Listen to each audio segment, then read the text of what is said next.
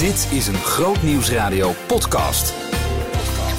We zetten vakantie deze week even in historisch perspectief. Doen we aan de hand van het eh, rapport van het CBS over 50 jaar kamperen. Kamperen in historisch perspectief. En iemand missen en dat zichtbaar maken in een foto. Dat heet schaduwfotografie. Dat kende ik nog niet. Groot Nieuwsradio podcast. Met Maurits Reinoud. Welkom bij de wekelijkse podcast van Groot Nieuws Radio. Ehm, ja, het kan zijn dat je luistert via SoundCloud, via Spotify, via iTunes of op wat voor manier dan ook. Eh, en je krijgt hier dan elke week even een glimp eh, van onze programmering te horen. Maar als je nou benieuwd bent naar wat we allemaal nog meer doen, dan kun je even terecht op onze website grootnieuwsradio.nl. We hebben na- namelijk heel veel programma's en op heel veel manieren willen we iets voor jou betekenen, voor Christelijk Nederland, om je te bemoedigen, om je aan te scherpen en om je aan te vuren in je geloof. Dus neem zeker even een kijkje op onze website. Deze week in de podcast zetten we kamperen in historisch perspectief. Door de jaren heen is er heel veel veranderd in de manier waarop en waarom we erop uitgaan. Kort na de Tweede Wereldoorlog kwam het vakantiegevoel pas echt goed op gang. Vooral mensen in de Randstad trokken er graag op uit, naar de kust of naar de Veluwe, om even uit de drukte te zijn. En ruim de helft van de vakantiegangers verblijft bij familie vanwege de laatste, lage kosten. Dat blijkt uit een onderzoek van het CBS over kamperen in historisch perspectief. Martin Overweg is eigenaar van natuurkampeerterrein De Klashorst in Hardenberg. Een camping waar zijn opa ooit mee is begonnen in 1949. Ja, nou, er kwam inderdaad eh, de familie van de Klashorst, hè, waar wij de camping naar hebben vernoemd uiteindelijk. Die, eh, die kwamen dus na de oorlog hier naartoe. En ehm, die hebben mijn opa toen gevraagd van, eh, joh, eh, hebt u voor ons een stukje grond waar wij mogen kamperen? Ja. Nou ja, opa die snapte er niet veel van. En, eh, ja, maar toen, toen ze op een gegeven moment zeiden van, nou, we gaan u er ook voor betalen. Nou, toen werd hij wel wakker, want ja, dat was wel interessant. De opa was niet zo heel erg rijk. Ja. En toen hebben ze er een stukje grond uitgezocht. En ehm, ja, zo'n heideveldje waar, waar, waar opa niks mee deed. En nou, dat was ongeveer, ja, zo zijn, 30 bij, 30 bij 20 of zo zo'n beetje. Een bosje en zo. Nou, en daar hebben ze dus een tent op geslagen. ja, en dan heb je een camping natuurlijk. Nou, zo snel gaat het niet hoor. Maar dat mocht toen de tijd, mocht dat. En eh, nou ja, goed, die mensen namen vrienden mee. En eh, ja, goed, op een gegeven moment werd het bosje al snel te klein. En mijn, moeder, mijn, mijn oma die vond het wel op een gegeven moment wel leuk. Van, nou ja, misschien moet het wel iets uitgebreid worden. En ehm, ja, uiteindelijk is dat stapje voor stapje is die, is, is die camping uitgegroeid naar wat het nu is. Ja. Letterlijk. Ja. Want, want, want, want hoe groot is de camping nu? En nu is die, eh, nou ja, zeg maar 6 hectare in totaal. Mhm. En ehm eh, nou, dan denk je, nou ja, en op zich is dat qua oppervlakte heel groot. Maar we hebben maar, eh, met, ma- maximaal maar 70 plekken op het moment. Ja. En waardoor we dus heel groot, eh, heel veel ruimte eigenlijk eh, aanbieden. Dus mensen die dan inderdaad uit de Randstad komen. eh, wij willen dat die hier, als die hier komen, dat ze dan ook echt veel ruimte ter beschikking hebben. Ja. En veel groen en veel rust. En dat Ja. is waar natuurlijk een peerterrein voor staat. En even uit de drukte zijn natuurlijk. Hè? Ook, ook een belangrijke reden voor mensen om eh, op vakantie te gaan. Maar laten we nog even teruggaan naar die tijd, 1949. Wat, wat betekende vakantie in die tijd?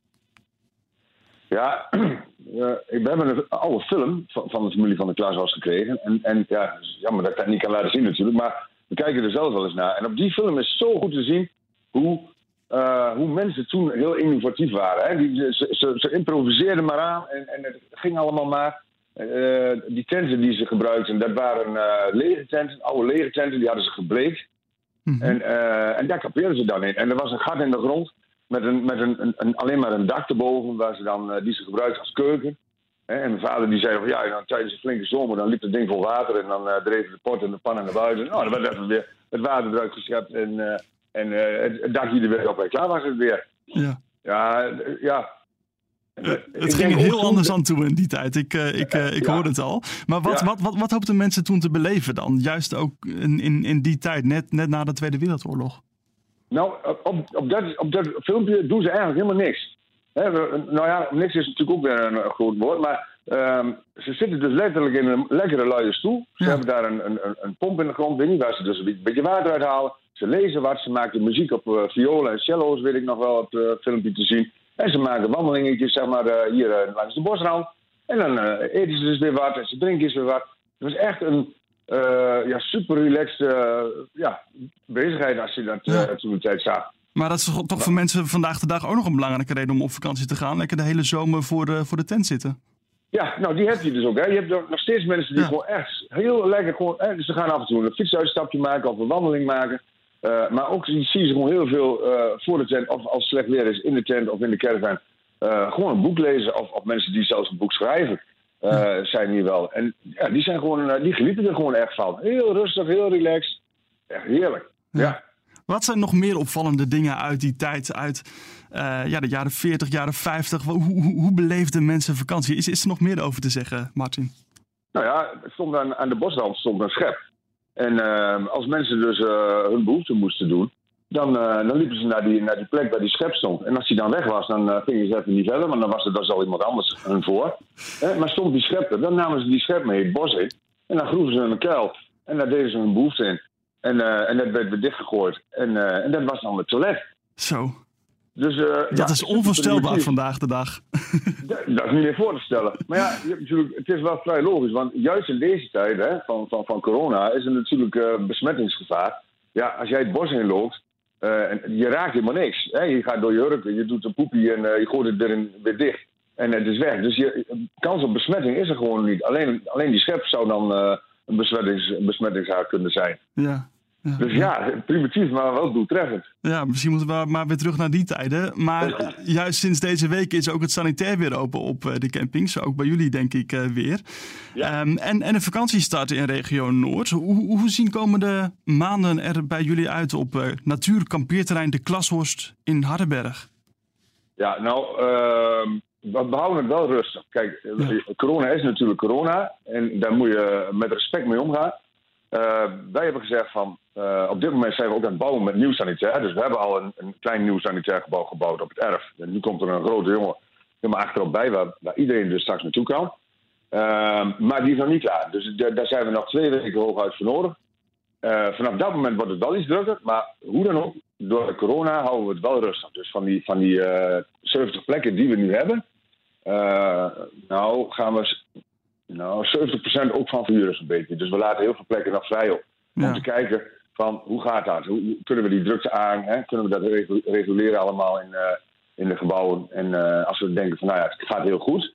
Dan kunnen we zeggen, oké, hè, er komen altijd mensen op de bonnen voor. Joh, kom er maar bij. Ja, ja, Maar als het ons niet goed toe lijkt, dan eh, houden we de boel gewoon dicht. ja. ja. dan blijft het een rustige camping voor, eh, voor rustzoekers. En ehm, als we tot slot nog even vooruitkijken naar de toekomst de, van, van, van kamperen. Wat, wat, wat, wat gaat de komende jaren veranderen? Wat denkt u? Ja, dat is, dat is heel moeilijk. Daar hebben jullie speciaal mensen voor. Hè? De modebolsen die bedenken iets. Maar eh, als ik nu even alleen al kijk naar... eh, je mocht bij ons op de camping zijn, eh, mits je de sanitaire voorzieningen voor elkaar had. Hè? Dat was dan de regel. Het ziet er nu weer net zo uit. Alleen het, is allemaal, het ziet er allemaal wat moderner uit. Maar het ziet er nu weer net zo uit als nou, in mijn kinderjaren. Zeg maar. Ik ben nu 50, dus zeg maar zo'n 30, 35 jaar geleden. Stonden achter elke tent en elke caravan stond zo'n klein eenpersoons eh, tentje hè, van zo'n 2 meter hoog. Daarin, eh, met daarin een, eh, een douche en een wc'tje. Hè, voor als de mensen dan s'nachts naar de wc moesten, zeg maar, dan gingen ze daarin. Nu, de- 35 jaar later, staan die dingen er weer. Ja. Ik denk van, hè, kijk, er zijn caravans met airco, met, met vloerverwarming. Noem het maar op. Hè. Je moet steeds meer stroom aanbieden. Tuurlijk, dat zal, dat, die trend zal ook doorzetten. Maar ik denk ook dat er, zeker op de natuurkampeerterreinen, zie je nog steeds de eenvoud van, van het echte kamperen terugkomen. Al dan niet met een hele moderne tent. Ja, het, zijn, het zijn toch hoofdzakelijk wel eh, eh, eh, de waardtenten, hè? Dat zijn die Nederlandse stormtenten. Nou, dat is natuurlijk een, een prachtig mooi gezicht op die dingen. Die zie je heel veel. Het is van katoen, het is wat koeler dan een nylon tent.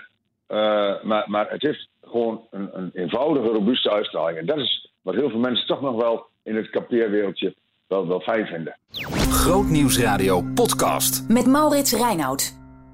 Schaduwfotografie. Ben jij bekend met die term? Ja, ik ken het nog niet. Als een familielid is overleden, dan kunnen familiefoto's van na het overlijden incompleet voelen. Er ontbreekt altijd iemand op de foto's. Fotograaf Dasha Dijkstra vond daar voor haar bedrijf Das Knoes Fotografie een oplossing voor.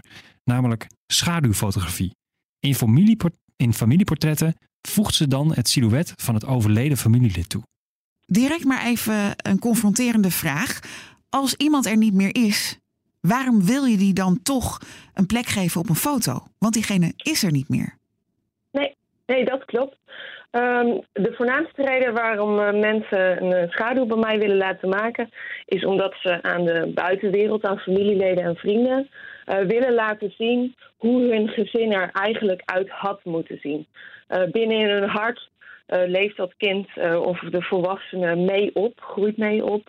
maar ze kunnen dat niet laten zien, hoe dat er in hun hart uitziet.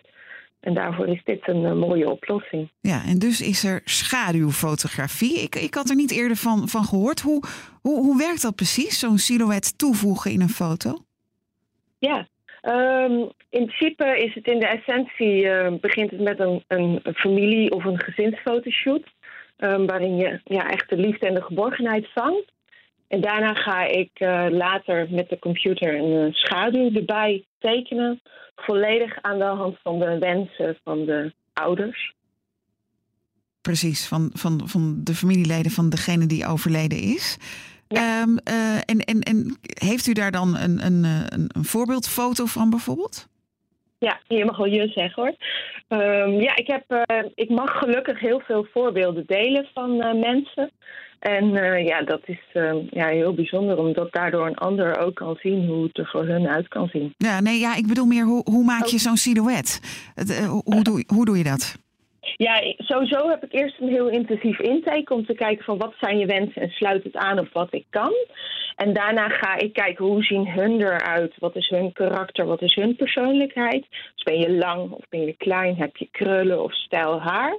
Um, en nadat ik dat helemaal um, ja, samen besproken heb, punt voor punt, ook de kleding bijvoorbeeld, dan ga ik beginnen met tekenen. En zodra ik dan uh, na ja, een week uh, tekenen uh, met tussenpauzes denk van nou de schaduw klopt, dit is wat we besproken hadden, dan stuur ik hem op en dan kunnen de, ja, diegene ja, die de schaduw wil laten maken, kan dan zeggen van nou dit klopt of niet. Of ik wil ja. nog wat dingetjes aangepast hebben. Hoe, hoe, hoe ben je eigenlijk op dit idee gekomen? Ja, ik heb in 2017 een familie gefotografeerd. En die uh, vertelde mij dat hun een, uh, ja, een zoontje hadden die na 13 uur was overleden. En die zou op het moment van de fotoshoot bijna zes zijn. Um, en hun hadden in Amerika uh, of via Amerika een aantal voorbeelden gezien van silhouetten. En ze vroeg of ik dat ook kon. Um, ja, ik had het eigenlijk nog nooit gezien. Ik wist niet precies wat ze bedoelde, maar ik had zoiets van als er nog een kindje bij moet, dan wil ik wel echt dat hij er um, bij is. Mm. Dat ook hij onderdeel is van het gezin, ook die geborgenheid, ook die liefde. Um, ja, die schaduw heb ik voor hun uh, gemaakt en die mocht ik ook delen. En uh, ja, daar is het begonnen. En, en wat doet dit met nabestaanden om zo'n foto te hebben? Ja, heel veel. Het is heel bijzonder. Je hoort verschillende reacties. Um, de meest bijzondere komen ook altijd van de opa's, want die, daarvoor staat het net wat verder weg voor hun. Um, en die kunnen er weinig mee. En juist door dan hun kleinzoon of kleindochter te zien, um, ja, dat raakt gewoon iets. Omdat ja, voor hen kan je het dan zien hoe het geweest was. Dus het is vooral heel veel uh, ja, mooie en ontroerende reacties. Het is letterlijk uh, zichtbaar. Krijgt dat in deze coronatijd nog een extra lading? Nu sommige mensen uh, misschien minder of, of geen afscheid hebben kunnen nemen van een geliefde? Ja, bij mij op dit moment um, nog niet. Uh, omdat de mensen die een dierbare zijn verloren in de coronaperiode op dit moment echt nog volledig in hun rouwproces zitten. Um, en um, mensen laten uh, echt pas een schaduw maken als ze um, al wat verder zijn in dat proces. Uh, soms gaat er wel jaren overheen voordat iemand zegt: Nu ben ik er echt klaar voor. En, en wat, wat is de link met, met je christen zijn? Want je bent christen en, en het, het maken van deze schaduwfoto's? Ja, het link met christendom is, uh, alles. Want uh, ja, God is echt het fundament voor mijn bedrijf. Um, en ik heb hem tien jaar geleden, toen ik mijn bedrijf begon, ook echt gevraagd van... Uh, ja, Heer, wilt u het fundament zijn voor mijn bedrijf? En, en verweven daarin meerdere keren ja, per jaar en per periode ja, vraag ik hem ook om leiding en insturing. En um, ja, ik zie dit echt wel als Gods leiding dat ik op deze weg bent gekomen. En het, het, het, zichtbaar maken van iemand die op aarde niet meer leeft, maakt dat ook dat je meer met mensen praat over wat er daarna volgt, na het leven op aarde? Um, dat wisselt een beetje. Ehm, in principe tijdens mijn werk en de shoot hebben we het vooral over de liefde en plezier, omdat dat is wat we willen vangen. Ehm, en soms komt het inderdaad wel eens ter sprake. Ehm, ja, hoe, hoe het nu met het kindje gaat. Soms zijn kindjes heel erg ziek als ze overlijden. Ehm, en dan inderdaad als een, eh, ja, een gezin ook eh, het geloof ehm, ja, ons verbindt, dan komt het inderdaad ook te sprake dat ze dan nu inderdaad in de hemel zijn en daar geen pijn hebben en gezond zijn en dansen. En dan heb je het daarover. Ja. Hartelijk dank, Dasja Dijkstra van schaduwfoto.nl. Ik noem de website even. Dit was hem voor deze week. Komende week op Groot Nieuws Radio. Ja, dan is het de Vriendenweek. En de Vriendenweek hebben we altijd twee keer in het jaar. Dan proberen we mensen even uh, te overtuigen van het feit dat we heel graag vriend met ze willen worden. Um, en, en dat geldt ook voor jou eigenlijk. Dus uh, ja, ben jij een luisteraar van Groot Nieuws Radio? Hou je van deze podcast? Wil je het mede mogelijk maken? Ja, dan is er een hele simpele manier om dat te doen. Gewoon even naar de website gaan. grootnieuwsradio.nl schuine vriend. Meld je aan en steun ons met een maandelijks bedrag. Want dan kunnen wij ervoor zorgen dat we altijd in de lucht zijn. 24-7 met drie stations. Groot Nieuwsradio, Groot Nieuwsradio non-stop en 7FM. Om ervoor te zorgen dat er altijd positieve, opbouwende christelijke muziek in de eten klinkt. Dat wil jij toch ook mede mogelijk maken. Meld je nu alvast via grootnieuwsradio.nl slash vriend. En maak kans op schitterende prijzen. Bedankt voor het luisteren en tot volgende week. Behoefte aan meer? Grootnieuwsradio.nl slash podcast.